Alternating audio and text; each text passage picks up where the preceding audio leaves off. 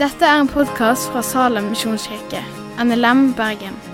For mer informasjon om Salem, gå inn på salem.no.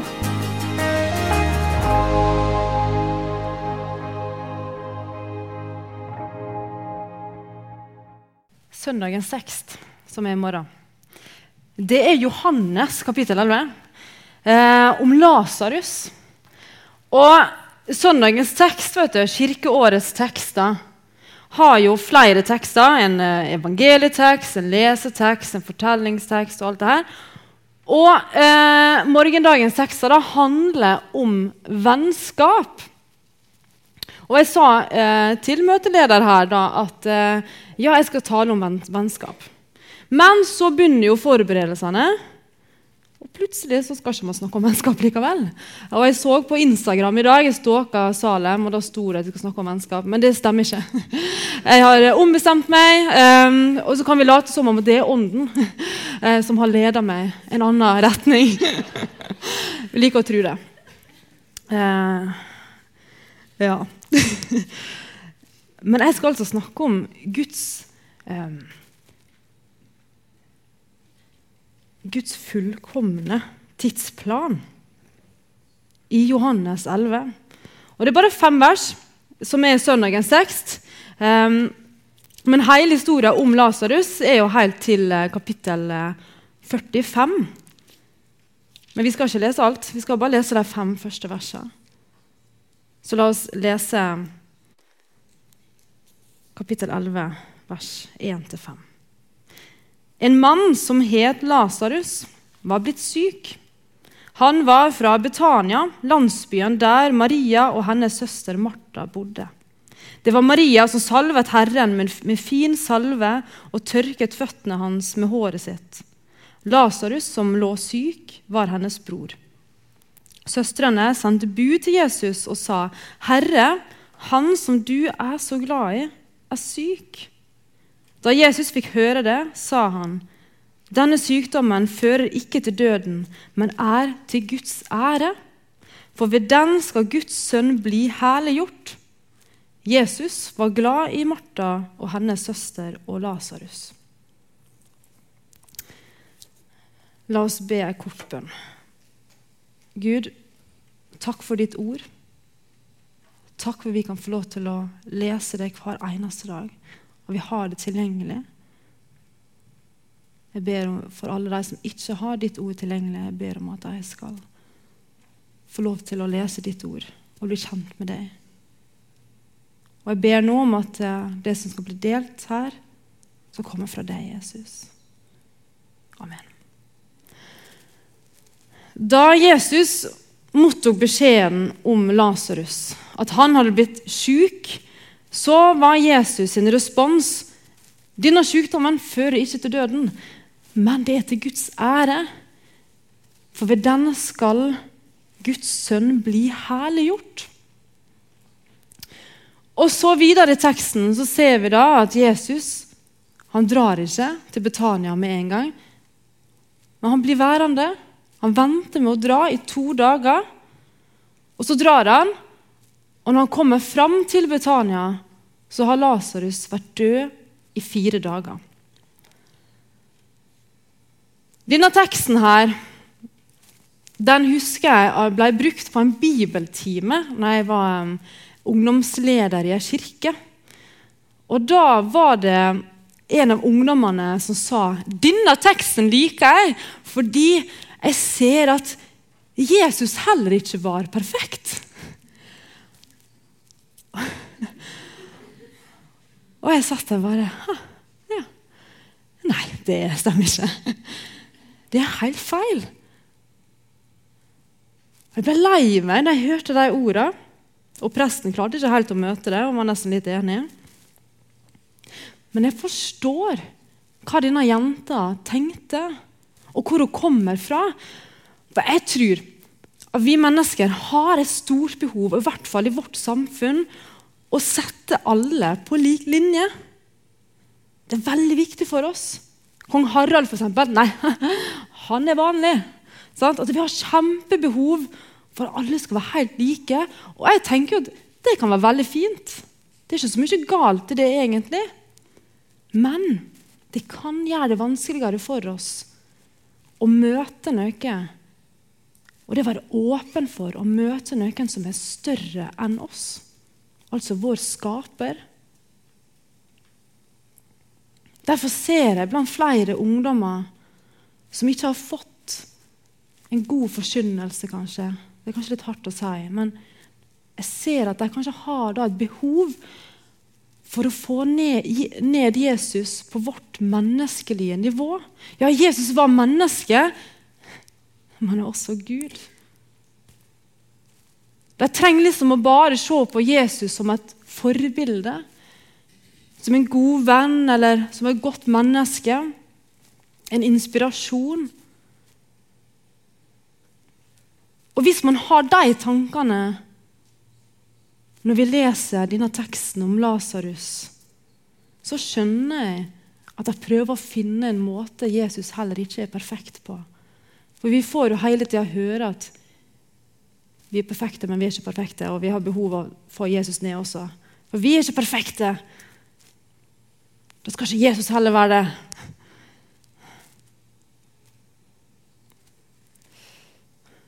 Det er ikke bra.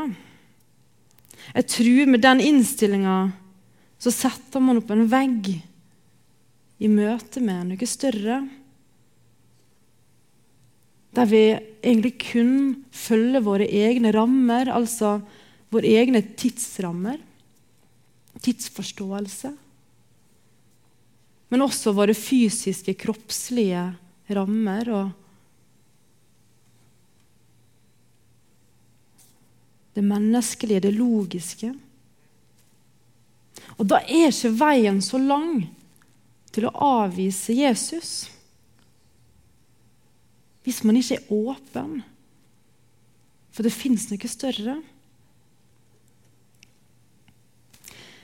Men Jesu liv og Jesu gjerninger de inngår i Guds fullkomne tidsplan. Den er større enn vår forståelse. Den er større enn våre tanker, vår kropp, vår verden. Våre begrensninger.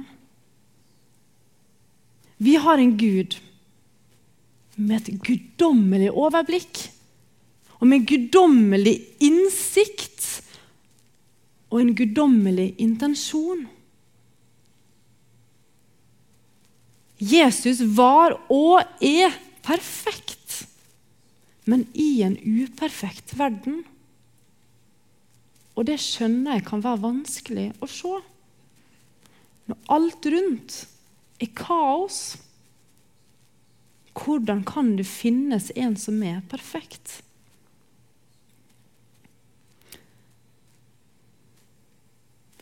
Jeg vil tilbake igjen til teksten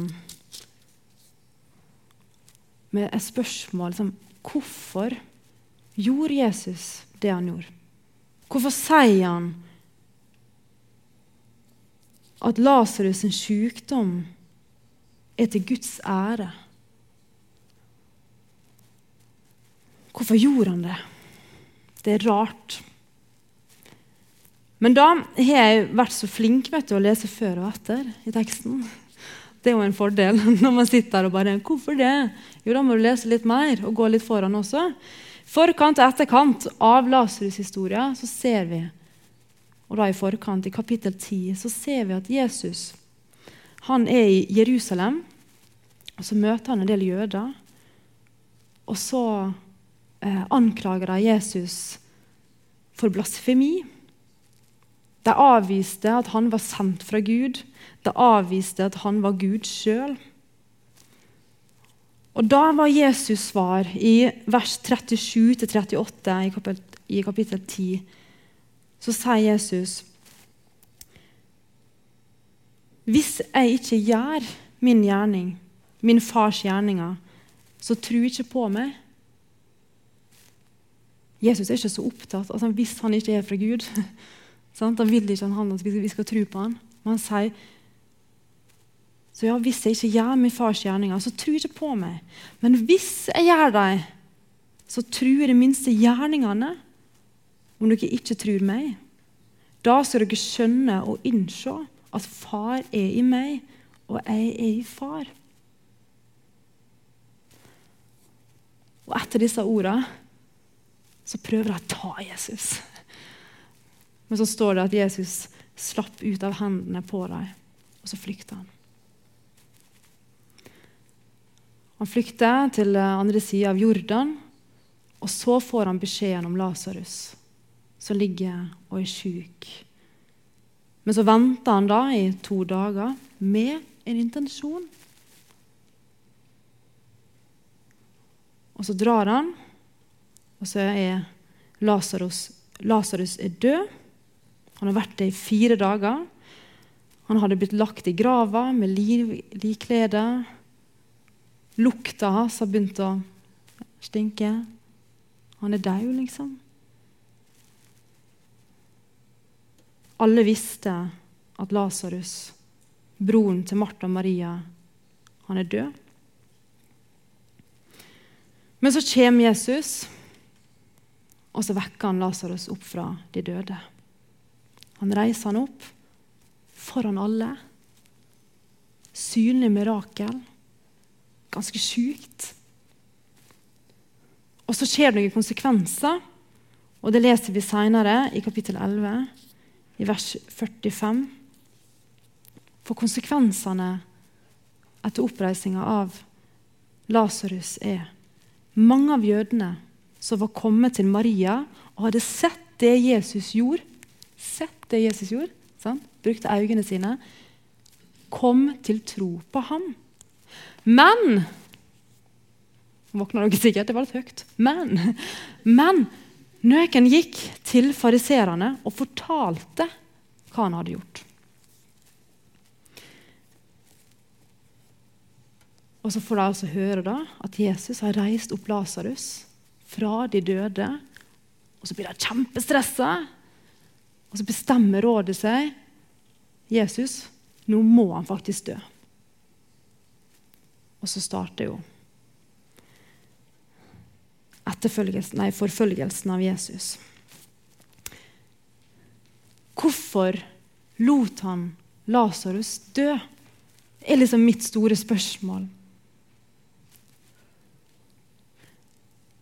Men Jesus han sier at han og Faderen er ett.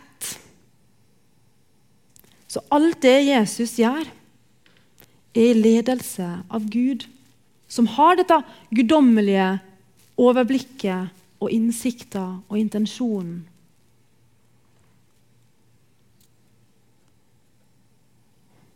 Det var meninga. Han hadde en intensjon. Og Da er jo spørsmålet brukte Jesus Lasarus som et middel. Og jeg kjenner Når jeg stiller det spørsmålet, er det på en måte med en sånn redsel og usikkerhet at Eh, å nei, Jesus, er det en mulighet for at du også sender i døden for å lære folk noe? Jeg er kjemperedd. Jeg kjente på den frykten når jeg begynte å stille det spørsmålet. Kan Jesus lede meg inn i lidelse og død? Men Gud er ikke en som påfører sykdom. Han sender oss ikke inn i det. Det er synder rundt oss og i oss som gjør det. Det er det som leder oss inn i sykdom og lidelse. Det er den falne verden. Og I møte med Lasarus ser det ut som at Gud han bruker den sykdommen som Lasarus hadde kommet inn i, hadde fått. Gud brukte det som en anledning til at flere mennesker kunne komme til tro. At ut av ulike prøvelser, og i dette tilfellet sykdommen til Lasarus Ut av det kan flere komme til tro, og tro kan bli styrka. Dette underet som vi har lest nå, det satte i gang utrolig mye. Mennesker kom til tro. Mennesker ble styrka i troa si. Men noen stengte hjertedøra si. Og Jeg tror det var stolthet, makt og kontroll. Jeg kjenner på det sjøl. Å ta imot frelse. Å være ydmyk. Det er ikke så lett. Jeg tror stoltheten dekker for hjertet, og det dekker for øynene deres og ørene deres. De ville ikke innrømme at den de egentlig hadde venta på, var rett foran oss. Han var bare litt annerledes. Mye bedre enn de kanskje trodde. Men valget Jesus tok, det å utsette reisa, for det er jo det jeg syns er vanskelig å forstå i teksten, det var et viktig valg. Et valg med en intensjon om at flere skulle bli frelst. Jeg husker I fjor så skulle jeg tale over en tekst om utvelgelsen av israelsfolket. Det var en stor utfordring. for Jeg husker jeg satt da hjemme og bare Å, herlighet, må jeg finne ut av hvorfor Gud valgte akkurat deg? Eh, jeg ble kjempestressa. Jeg bare, å, jeg rekker ikke det, jeg har bare fem dager eh, til å finne ut det store mysteriet. Men, så la jeg en bibelkommentar, og det roa jo meg ned. Det var altså, og det sto det Deres forhold, altså Gud og Israel, var et resultat av et guddommelig valg. Et valg som forblir et mysterium. Jeg bare Yes! Det er et mysterium, jeg trenger ikke løse det. Og det kan vi ta inn i mange ting når vi leser Bibelen. Og ting er vanskelig å forstå, så betyr ikke at vi skal bare tenke ja, ja, det er et mysterium, trenger ikke å finne ut av det. Men det er godt å vite at veldig mye av det Gud gjør, det forstår ikke vi alltid. Vi ser ikke hele bildet. Men vi vet at det Gud gjør, Guds ønske, hans største ønske, er at alle barna skal komme hjem. Og han gjør alt for at alle som kommer hjem, flest mulig, skal ta imot ham. Derfor kan vi stole og hvile i at Guds valg, Guds utvelgelse av f.eks. Israel, eller Guds utvelgelse av jomfru Maria Hvorfor valgte han henne? Eller Saulus, som forfulgte de første kristne? Eller utvelgelsen av oss? At vi skal gi det videre? eller utvelgelsen av Lasarus, som skulle dø og bli reist opp foran alle rundt ham? Hvorfor gjorde Gud dette her? Det ser ikke alltid så veldig smart ut. Men Gud har et guddommelig overblikk og innsikt. Hans valg, hvis vi løfter blikket vårt, har gjort at vi sitter her i dag. Er ikke det sjukt? At det som skjedde her for 2000 år siden, står vi nå og leser om og folk kan komme til tro av det underet der. Det er en intensjon.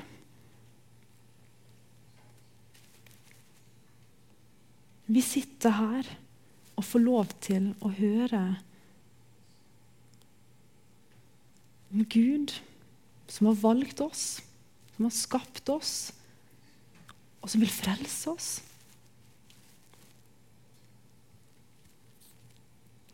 Guds valg rundt omkring her som er vanskelig å forstå, og de som er lette å forstå.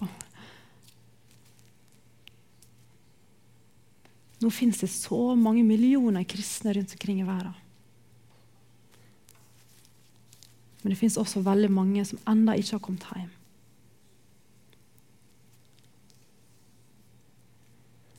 Og Da har jeg lyst til å lese i 2. Peters brev, om nettopp det.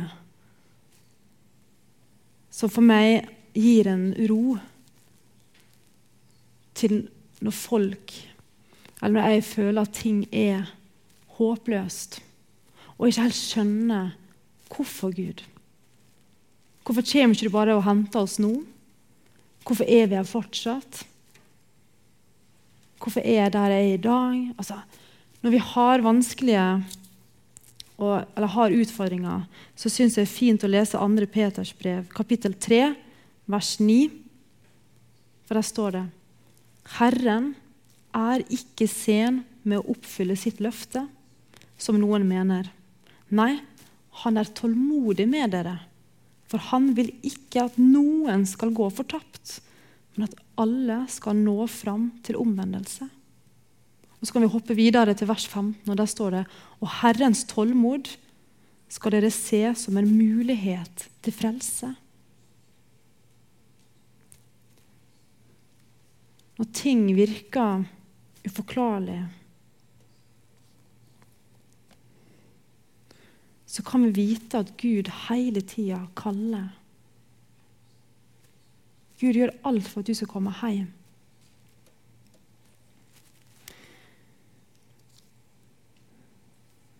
Og i alle valg som blir tatt, er også valget om deg og om meg. Det er en grunn til at du sitter her i dag. Jeg vil tilbake igjen til um, Jesus' sin respons når han får høre om Lasarus. For hans respons var jo da denne sykdommen skal være til Guds ære. Og Da stilte jeg meg et nytt spørsmål, som man fort kan stille seg.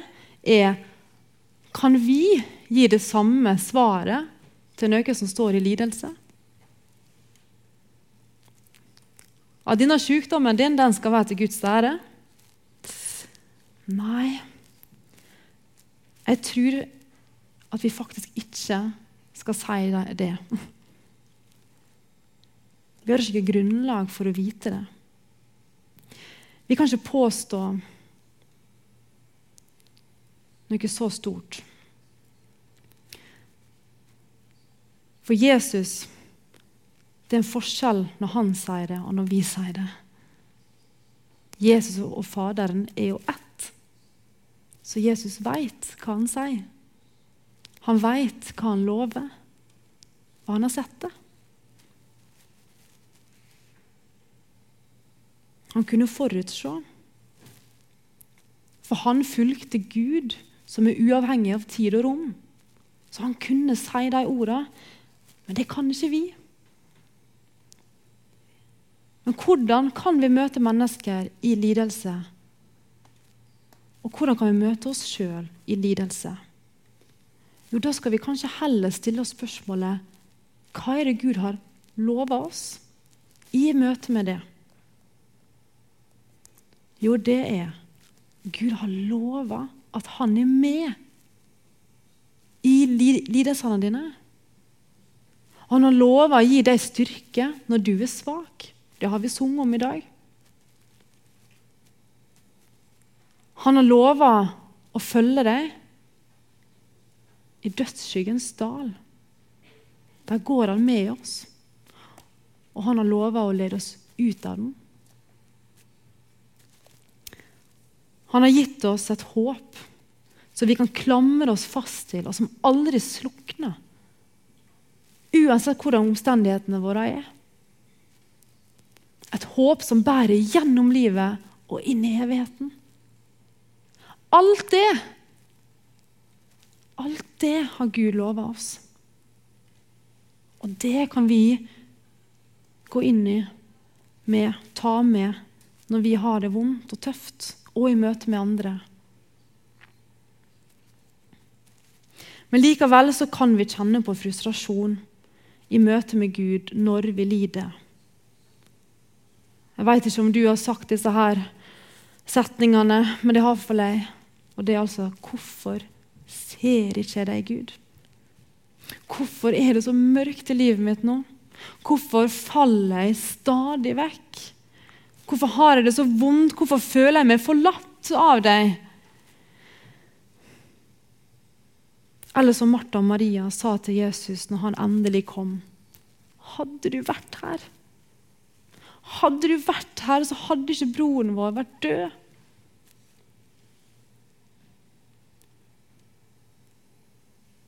Vi kjenner på skuffelse gjennom livet, med lidelse og død rundt oss. Men da er det godt å vite at vi har en Gud som tåler våre klagerop. Og så har vi en Gud som vil lyse opp i ditt mørke. I vers 15 så sier Jesus også noen rare ord. rare og rare, men i seg sjøl, hvis man ikke går ordentlig inn i dem, så er det kanskje litt rare. For i vers 15 står det For deres skyld er jeg glad for at jeg ikke var der.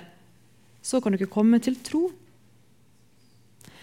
Det virker nesten som om Jesus var glad for at Lasarus var død. Men nei. Jesus er ikke glad for at Lasarus var død. For Jesus han gråt. Han var lei seg. om å miste en venn til døden. Og Det var vondt å se alle som var rundt, og som mista vennen sin, de også. Og broren sin. Men Jesus han var glad for at Lasarus sitt vitnesbyrd det kunne lede enda flere hjem. Det kunne lede enda flere til tro. Og det fikk meg til å tenke på når vi står i tøffe tider Og jeg veit ikke hva du står i. Men Gud, han vil bruke deg. Han vil bruke din historie. Om den er god eller om den er vond, så har han lyst til å skape noe godt ut av det. Om du har vært sjuk eller er sjuk eller med oppveksten din. Gud har lyst til å gi deg noe ut av det, noe godt, så du kan gi videre. Du kan være et vitne om at Gud er sterkere. Han er sterkere enn all ondskap. Han er sterkere enn døden.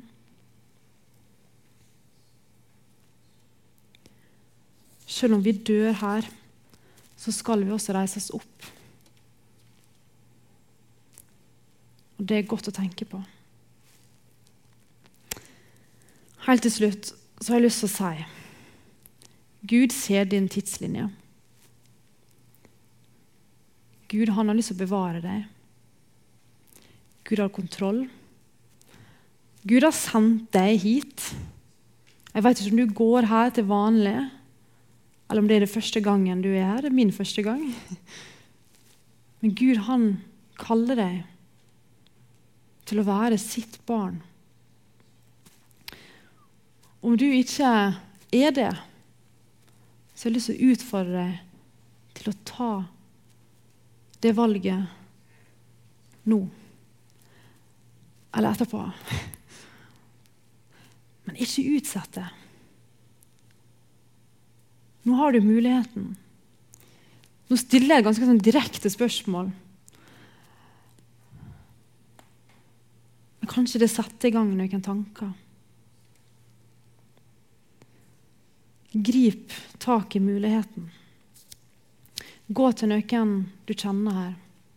Om du ikke kjenner noen, så er det gode ledere her. Alltid noen her som vil prate med deg, og som vil ta imot tvil og, troa, usikkerhet. Eller er du en som sitter her og har tatt imot Jesus, men du føler at hjertet ditt er lukka? At du ikke helt klarer å ta det inn? Det er utrolig vondt å stå i. Da kan man fort føle seg ensom, i hvert fall i en sånn forsamling. Man kan føle at man er litt feil, at 'Å, jeg får ikke det til'. For jeg føler meg så lukka. Jeg får ikke til å ta det inn. Kom til Gud med det. Vær ærlig med han og si, 'Gud, jeg føler meg så lukka. Jeg ser ikke det. Jeg skjønner ikke. Jeg er stengt. Jeg har. Vil ikke. Kan du åpne opp for meg? For det er Gud som må åpne hjertet ditt. Gå til han. Rop til han.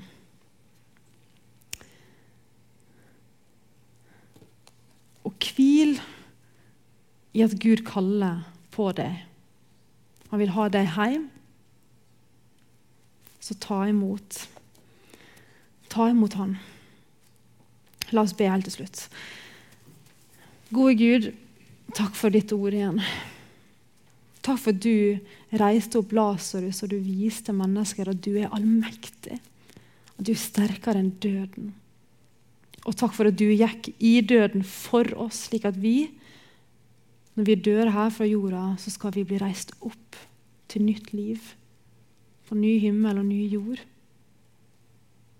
Jeg ber deg, Jesus, om at vi skal eh, ta imot det og hvile i det midt i våre nedturer og oppturer. Jeg ber deg, Jesus, om at du skal bruke våre liv til å vitne om deg. Led oss til de menneskene vi kan møte, som har en lignende historie eller hva som helst. Takk for at du vil bruke oss. Hjelp oss til å være åpne for å bli ledet av deg, Gud.